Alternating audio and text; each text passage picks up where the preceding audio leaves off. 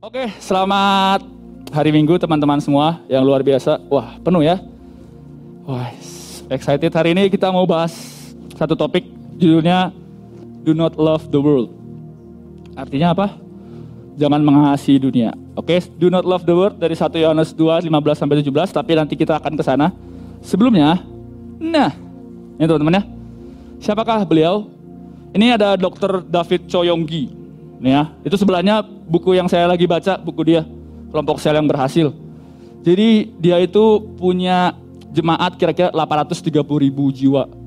Dan diklaim sebagai gereja terbesar di dunia saat ini. Dia orang yang luar biasa, di bukunya ditulis bahwa dia selama tahun-tahun hidupnya dihancurkan dalam tanda kutip egonya sama Tuhan supaya dia bisa jadi orang yang luar biasa. Ini David Choyonggi di Korea Selatan. Tapi nyatanya ternyata teman-teman di Full Gospel Central Church David Choyonggi di tahun 2013 mengalami masalah. Dia menipu gereja sebesar 143 miliar. Itu kalau beli kuota seumur hidup kalian tuh ya. Unlimited 143 miliar teman-teman. Dan juga penggelapan pajak 38 miliar dan dia melakukan ini selama 14 tahun tanpa ada rasa bersalah. Orang yang luar biasa dipakai Tuhan, tapi mengalami masalah juga ternyata. Lanjut ada, ini ada yang tahu siapa? Iya kan ada namanya di situ ya, tinggal dibaca. Martin W. Sampson. Dia itu WL-nya Hillsong. Tahu Hillsong? Mantap, gitu dong. Hillsong ya, dia tuh yang salah satu lagu, nyiptain lagu Oh praise the name of the Lord our God. Tahu ya yang pernah dinyanyiin sama kalian ini? Luar biasa impactfulnya dari umur 16 tahun dia udah ikut Hillsong. Udah melayani Tuhan. Udah luar biasa. Tapi hari ini di 2019 dia posting di Instagramnya bahwa saya mengalami keraguan-keraguan akan Tuhan. Wow. Sejak umur 16 tahun loh jadi WL Hillsong. Hillsong tuh impactful banget teman-teman. Lagu-lagunya dia banyak nyiptain lagu-lagu yang luar biasa. Dan dia bilang apa? Sedang goyah imannya karena berusaha mengerti Tuhan dengan pikirannya sendiri. Wow. Tadi ada salah satu yang luar biasa, punya gereja terbesar di dunia dan sekarang adalah salah satu pelayan Tuhan juga ini. Ini pasti pelayan Tuhan sih. Masa enggak ya? Diaken kalau nggak salah ini. Diaken di Hillsong Church. Udah som 3 kayaknya. Teman-teman ya, Artinya apa teman-teman? We are all human, we are all human who desperately needs God every day. Kita ini orang-orang biasa, kita ini manusia yang setiap hari sangat membutuhkan tuh Tuhan. Gak ada manusia setengah dewa teman-teman. Yang WL di sini, bahkan saya yang berkhotbah di tempat ini, gak ada satupun yang luput dari yang namanya godaan dunia dan masalah mau orang yang paling senior sekalipun, mau orang yang baru kenal ikut Tuhan sekalipun, kita semua adalah manusia yang setiap hari butuh anugerah Tuhan untuk bisa hidup dalam dunia yang semakin jahat. Oke, jadi kalau hari-hari ini teman-teman, oh saya mah hidupnya biasa-biasa aja lah. Yang luar biasa aja kayak gitu teman-teman. Kalian butuh Tuhan. Jangan bilang anak muda saya nggak butuh Tuhan, saya mah maunya gimana saya. Jangan Tuhan, jangan teman-teman. Pekerjaan iblis cuma tiga. Nyuri, bunuh, binasakan. Kalau kamu nggak sadar bahwa iblis setiap hari itu berkeliling, mencari mangsa yang bisa ditelannya, lama-kelamaan kita mungkin akan sama goyah imannya, kemudian kita meninggalkan Tuhan, menghilangkan pengharapan kita, dan akhirnya apa? Kita nggak lagi percaya sama Tuhan. Oke? Nah, hari ini kita akan bahas 1 Yohanes 2, 15 sampai 17. Teman-teman, saya buka Alkitab buat teman-teman yang bawa Alkitab konvensional, konvensional. Boleh dibuka ya, karena lebih enak bisa dicoret-coret. Kalau di HP dicoret-coret, jangan. Ntar anti goresnya rusak. 1 Yohanes 2 ayat 15 sampai 17. Oke, saya bacain ya buat teman-teman. Janganlah kamu mengasihi dunia dan apa yang ada di dalamnya. Garis bawahi kata jikalau. Jikalau orang mengasihi dunia, maka kasih akan Bapa tidak ada dalam orang itu. Sebab semua yang ada dalam dunia itu keinginan daging dan keinginan mata serta keangkuhan hidup bukanlah berasal dari Bapa melainkan dari dunia. Dan dunia ini sedang lenyap, berarti sedang mengalami kehancuran dengan keinginannya, tetapi orang yang melakukan kehendak Allah tetap hidup selama-lamanya. Nah ini teman-teman, jika kita mengasihi dunia, maka jika maka itu berarti ada sebab akibat ya. Asik, bahasa Indonesia nih. Jika maka, bener gak sih bang? Jika maka ya? Bener ya? Jikalau orang mengasihi dunia, maka kasih akan Bapa tidak ada dalam orang itu. Jadi ketika kita memilih untuk mengasihi dunia, kasih akan Bapa itu bukan berkurang teman-teman. Tidak ada. Jadi nggak ada yang namanya suam-suam kuku, mau panas, mau dingin. Kalau kamu mengasihi Bapa, maka kalau kamu mengasihi dunia, maka kasih akan Bapa nggak ada di dalam dirimu. Tapi kalau kamu mengasihi Bapa, maka kasih akan dunia nggak ada dalam dirimu. Jadi pilih. Makanya ini adalah keputusan teman-teman. Nah dia bilang e, sebab semua yang ada dalam dunia ini itu keinginan daging dan keinginan mata serta keangkuhan hidup bukanlah berasal dari Bapa melainkan dari dunia. Dunia itu apa sih? Bukan artinya dunia kamu membenci, wah oh, saya nggak akan mau lagi hidup di dunia gitu ya. Saya mau meninggal aja. Bukan gitu teman-teman. Dunia yang dimaksud adalah segala sesuatu yang bertentangan dengan firman Tuhan. Keinginan daging, uh, keinginan mata serta keangkuhan hidup itu bukan berasal dari Bapa tapi berasal dari dunia. Nah, teman-teman, kenapa ayat ini ada? Kenapa ada satu perintah janganlah kau mengasihi dunia? Kenapa ada tiba-tiba ada ayat ini? Karena saya yakin sebelumnya Yohanes udah ngasih identitas dalam hidup kita. Ayat 1 Yohanes 2 ayat 12 sampai 14. Ini saya bacain buat teman-teman ya. Buat teman-teman yang punya sekali lagi punya kitab gini boleh digaris bawahi. Ayat 12, aku menulis kepada kamu hai anak-anak sebab dosamu telah diampuni oleh karena namanya. Ayat 13, aku menulis kepada kamu hai bapak-bapak karena kamu telah mengenal dia yang ada dari mulanya. Aku menulis kepada kamu hai orang-orang muda. Siapa yang muda di sini? Nih saya mau kasih tahu ini identitas Tuhan buat engkau. Hai orang-orang muda karena kamu telah mengalahkan yang jahat. Ayat 14, aku menulis kepada kamu hai anak-anak karena kamu mengenal Bapa. Aku menulis kepada kamu hai bapak-bapak karena kamu mengenal dia yang ada dari mulanya. Aku menulis kepada kamu sekali lagi, hai orang-orang muda. Karena kamu kuat dan firman Allah diam di dalam kamu dan kamu telah mengalahkan yang jahat. Kamu telah mengalahkan yang jahat. Itu identitas Tuhan buat kita kita adalah anak-anak muda yang kuat. Kita adalah anak-anak muda yang sudah dan telah mengalahkan yang jahat. Karena apa? Karena Kristus yang adalah firman tinggal dalam hidup kita. Kenapa dibilang telah dibilang yang pertama, hai orang-orang muda karena kamu telah mengalahkan yang jahat. Karena apa yang udah Yesus lah? Bukan. Dia sudah selesai. Kita belajar bulan lalu tentang Paskah betul? Betapa dia menang, betapa dia telah mati dan bangkit. Dan hari ini dia bilang apa? Kamu, hei anak-anak muda, kamu telah mengalahkan yang jahat. Itu identitas yang pertama, dan identitas kedua apa? Kamu, karena kamu kuat, hei anak, -anak muda. Hei anak-anak muda, kamu kuat. Kenapa banyak orang kompromi sama dosa? Karena mereka gini, aduh udah gak kuat. Kenapa ditawarin A, ditawarin B sama orang-orang dunia dan bilang, aduh udah nggak kuat bang. Ya udahlah saya mah bablas aja. Saya mau bilang hari ini identitasmu adalah anak-anak muda yang kuat. Dan kamu telah mengalahkan yang jahat. Ketika saya nyiapin khotbah hari ini, saya berdoa kamu pulang dari tempat ini, kamu punya identitas yang baru bahwa apa pun kondisi dunia ini yang jahat, saya telah mengalahkan yang jahat. Saya mampu untuk hidup dalam kebenaran. Karena apa? Karena saya, kata Tuhan Yesus, saya ku, kuat. Dan saya mampu mengalahkan yang jahat. Makanya dibilang apa? Yang sebelumnya.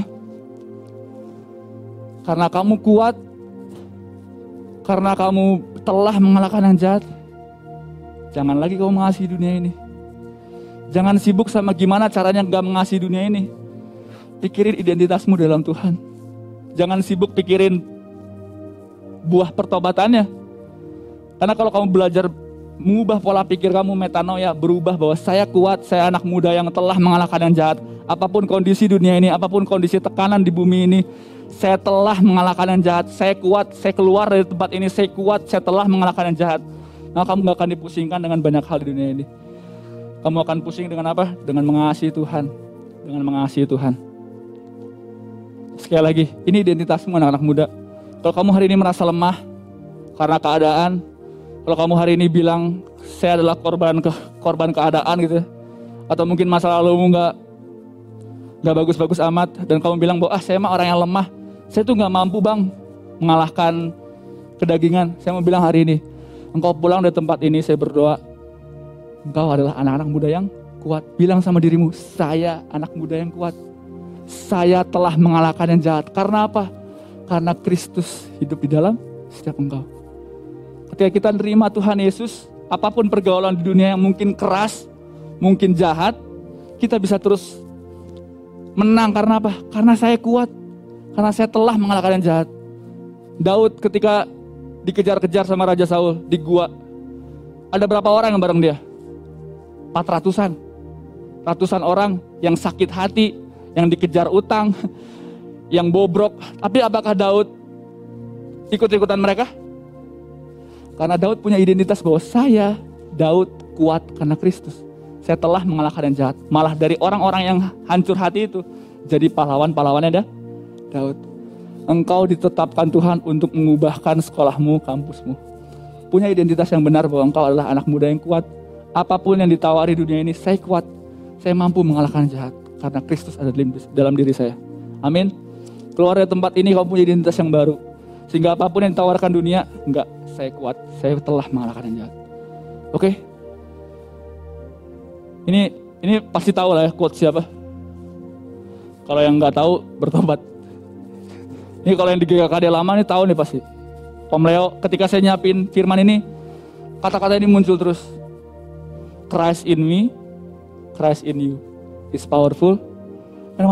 Karena memang benar Kristuslah yang membuat kita kuat. Karena memang benar Kristuslah yang memampukan kita untuk mengalahkan yang jahat. Oke, pulang dari tempat ini punya identitas yang benar. Bahwa engkau sanggup mengalahkan yang jahat. Nah, janjinya apa teman-teman? Janjinya apa ketika kita belajar hidup dalam Tuhan? Janjinya apa ketika kita belajar untuk nggak mengasihi dunia? Janjinya ada di Roma 8:28. Kita tahu sekarang bahwa Allah turut bekerja dalam segala sesuatu untuk beratakan kebaikan bagi mereka yang mengasihi dia, yaitu bagi mereka yang terpanggil sesuai dengan rencana Allah. Ini kayaknya ayat favorit orang-orang ya. Sering banget di quotes karena apa? Karena segala sesuatu mendatangkan kebaikan. Enak banget ya. Betul. Tapi kenapa ayat ini muncul? Makanya hari ini kita belajar Alkitab ya. Kenapa ayat ini muncul? Nah, kalau teman-teman buka Roma 8 ya. Roma 8 dari perikop yang pertama kita belajar firman Tuhan sedikit Roma 8 perikop pertama adalah hidup oleh roh. Ayat 1 sampai 17 itu menjelaskan bahwa sekarang tuh nggak ada penghukuman. Kalau kamu mau hidup dalam roh hiduplah dalam roh. Hiduplah dalam suatu ketakutan akan Tuhan. Kita buka di Roma 8 ayat 15 teman-teman boleh buka Roma 8 ayat 15 saya bacain buat teman-teman Roma 8 ayat 15. Sebab kamu tidak menerima roh perbudakan yang membuat kamu menjadi takut lagi. Tetapi kamu telah, tuh ada kata telah teman-teman. Telah menerima telah menerima roh yang menjadikan kamu anak Allah oleh roh itu kita bersuruh ya Abah ya Bapa. Roma 8 ayat 1 sampai 17 adalah berbicara tentang keputusan kita anak-anak muda ketika kita sudah menerima Tuhan, kita mau hidup mengasihi Tuhan, dengan cara apa? Hidup senantiasa dalam roh. Hidup senantiasa dalam pergaulan yang intim dengan Tuhan. Mungkin berat, iya. Karena apa? Di Roma 8 ayat 18 sampai 30 berbicara tentang pengharapan anak-anak Allah. Di tengah dunia yang semakin kejam, di tengah dunia yang semakin kacau, di tengah tekanan yang mungkin banyak gitu ya, pergaulan yang semakin jahat, ketika kita memilih untuk hidup dalam kebenaran adalah suatu kebodohan bagi dunia anak-anak muda Sabtu ke mana? Ada persekutuan kayaknya. PA lagi gitu ya, baca Alkitab lagi, datang ke pertemuan ibadah gitu ya. Aduh, kurang kurang asik hidupnya. Asik, biasanya kayak gitu ya. Kurang asik, kurang keren hidupnya. Melayani Tuhan, aduh melayani Tuhan masih muda gini melayani Tuhan nanti aja kalau udah tua gitu ya. Di tengah kita ke, di tengah kita sudah menerima Tuhan Yesus sebagai Tuhan dan Juru Selamat dan kita memilih untuk hidup dalam ketakutan akan Tuhan. Dunia akan bilang bahwa ah dasar bodoh, bukannya senang-senang, malah hidup takut akan Tuhan. Pengharapan anak-anak Allah. Makanya di sini dibilang apa? Ketika kita mengalami tekanan di dunia ini, mengalami mengalami goncangan, mengalami mungkin kekhawatiran karena aduh, apakah benar ya keputusan saya untuk ikut Tuhan? Mengikut Yesus itulah kekuatan hidup. Apa benar ya? Apa benar ya? Makanya Roma 8:26 keluar ketika kita dalam tekanan, ketika kita dalam ketakutan kita berdoa kepada Bapa. Roh lah yang membantu kita berdoa. Dan ketika kita berdoa, ketika kita bilang Tuhan, aku udah gak kuat. Aku mau tetap hidup dalam kebenaran, tapi dunia kayaknya semakin berat Tuhan. Tapi akhirnya apa? Roma 8, 28 bilang apa? Tapi saya tahu sekarang, meskipun saya hidup dalam kebenaran, meskipun dunia mengejek saya, meskipun tuh orang lain bilang, ah udahlah nggak usah. Meskipun mungkin berat ketika orang lain ketika orang lain uh, kompromi dengan dosa tapi kamu memilih untuk tetap berada dalam firman Tuhan. Mungkin memang berat tapi dibilang apa? Tapi saya tahu sekarang segala sesuatu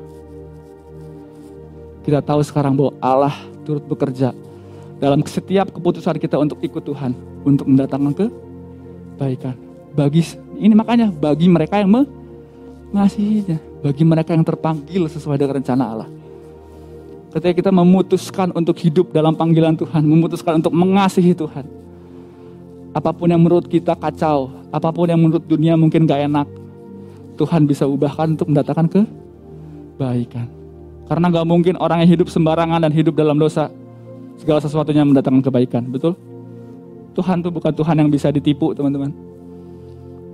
Makanya ketika kita memilih untuk hidup, ya kita punya identitas bahwa saya kuat, saya mampu mengalahkan yang jahat. Keluar dari tempat ini, saya mau hidup dalam ketet mencintai Tuhan. Saya mau hidup mencintai Tuhan apa pun harganya. Saya tahu Tuhan mendatangkan kebaikan untuk setiap orang yang mengasihi dia. Dan keyakinan iman kita ketika kita melakukan segala sesuatunya. Roma 8 ayat 38 sampai 39. Saya bacain Roma 8 ayat 38 sampai 39. Ini nyambung banget sama tadi lagu. Sebab aku yakin bahwa baik maut maupun hidup, baik malaikat-malaikat maupun pemerintah-pemerintah, baik yang ada sekarang maupun yang akan datang, atau kuasa-kuasa baik yang di atas maupun yang di bawah, ataupun sesuatu makhluk lain tidak akan dapat memisahkan kita dari kasih Allah yang ada dalam Kristus Yesus Tuhan kita. Ketika kita memilih untuk hidup dalam Tuhan, Tuhan gak pernah tinggalin teman-teman.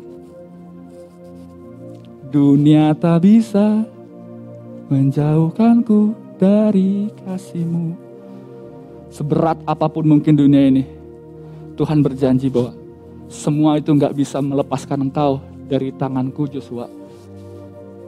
Ketika kita belajar untuk hidup dalam kebenaran, Tuhan yang akan menggenggam kita, Tuhan yang akan jadi pembela kita, Tuhan yang akan jadi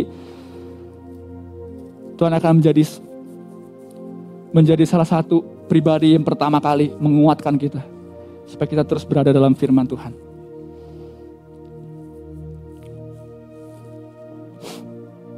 Terakhir sebelum saya tutup, kita akan baca dari Mazmur 73 gitu ya.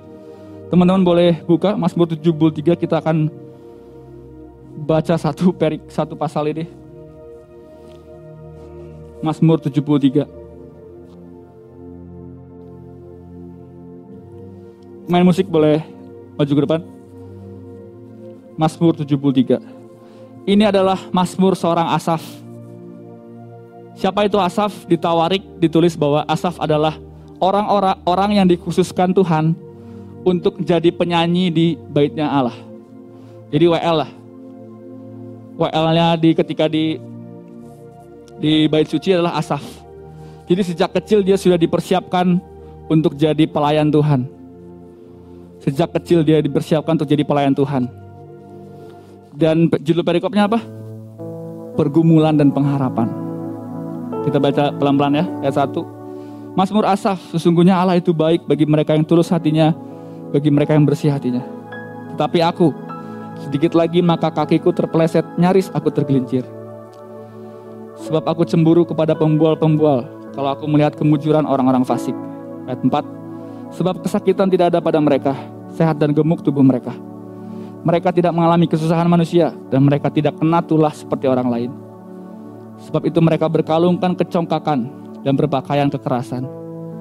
Ayat 7, karena kegemukan, kesalahan mereka menyolok, hati mereka meluap-luap dengan sangkaan. Ayat 8, mereka menyindir dan mengata-ngatai dengan jahatnya. Hal pemerasan dibicarakan mereka dengan tinggi hati. Mereka membuka mulut melawan langit dan lidah mereka membual di bumi. Sebab itu orang-orang berbalik kepada mereka mendapatkan mereka seperti air yang berlimpah-limpah. Dan mereka berkata, bagaimana Allah tahu hal itu? Tuhan mah gak akan tahu lah kalau saya buat dosa.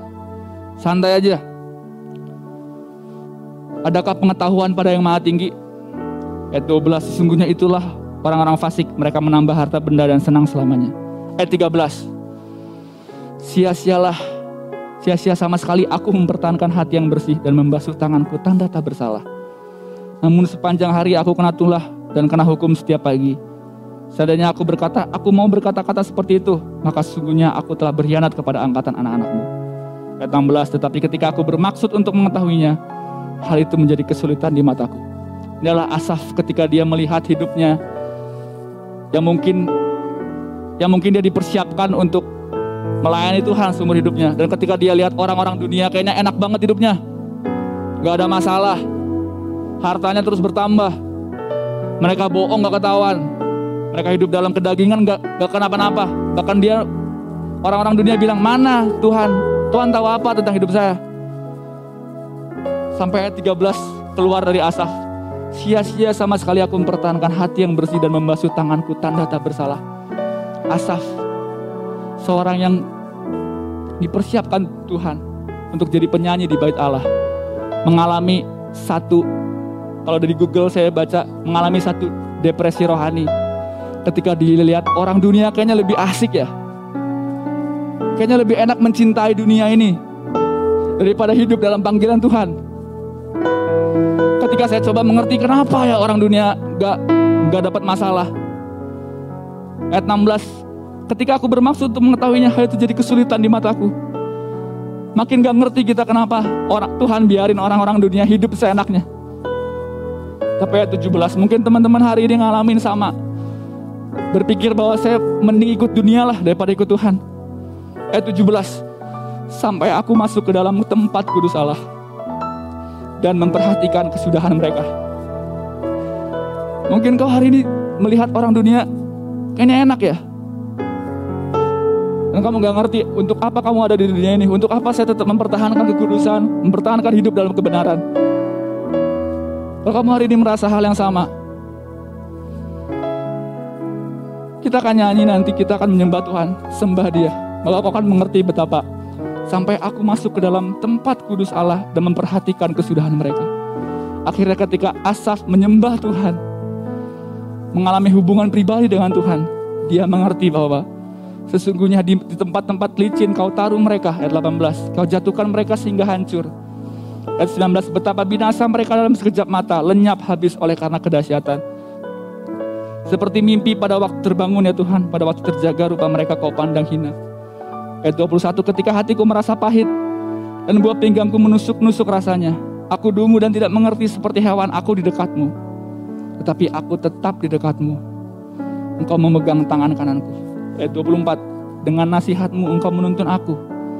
Dan kemudian engkau mengangkat aku ke dalam kemuliaan. Ayat 25, siapa gerangan ada padaku di sorga selain engkau. Selain engkau, tidak ada yang kuingini di bumi. Sekalipun dagingku dan hatiku habis lenyap gunung batuku dan bagianku tetaplah Allah selama-lamanya. Sebab sesungguhnya siapa yang jauh daripadamu akan binasa. Kau binasakan semua orang yang berzina dengan meninggalkan engkau. Tetapi aku, aku suka dekat dengan Allah. Aku menaruh tempat perlindunganku pada Tuhan Allah supaya dapat menceritakan segala pekerjaannya. Ayat 25 adalah sekalipun siapa yang ada padaku di surga, di dunia ini aku hanya aku hanya ingin engkau Tuhan Di dunia ini aku hanya ingin Engkau Tuhan. Sekalipun dagingku, hatiku habis lenyap. Aku akan terus menyembah Tuhan. Perkataan yang sama itu keluar dari orang yang pertama kali apa? Mengalami depresi rohani. Mungkin dia takut untuk hidup dalam kebenaran firman Tuhan. Mungkin dia takut untuk hidup dalam kasihnya Tuhan. Tapi orang yang sama yang akhirnya bilang apa?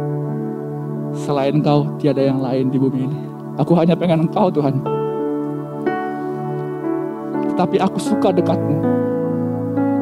Orang yang sama yang bilang sebelumnya apa? Sia-sialah aku mempertahankan hati yang bersih. Orang yang sama yang Tuhan ubahkan.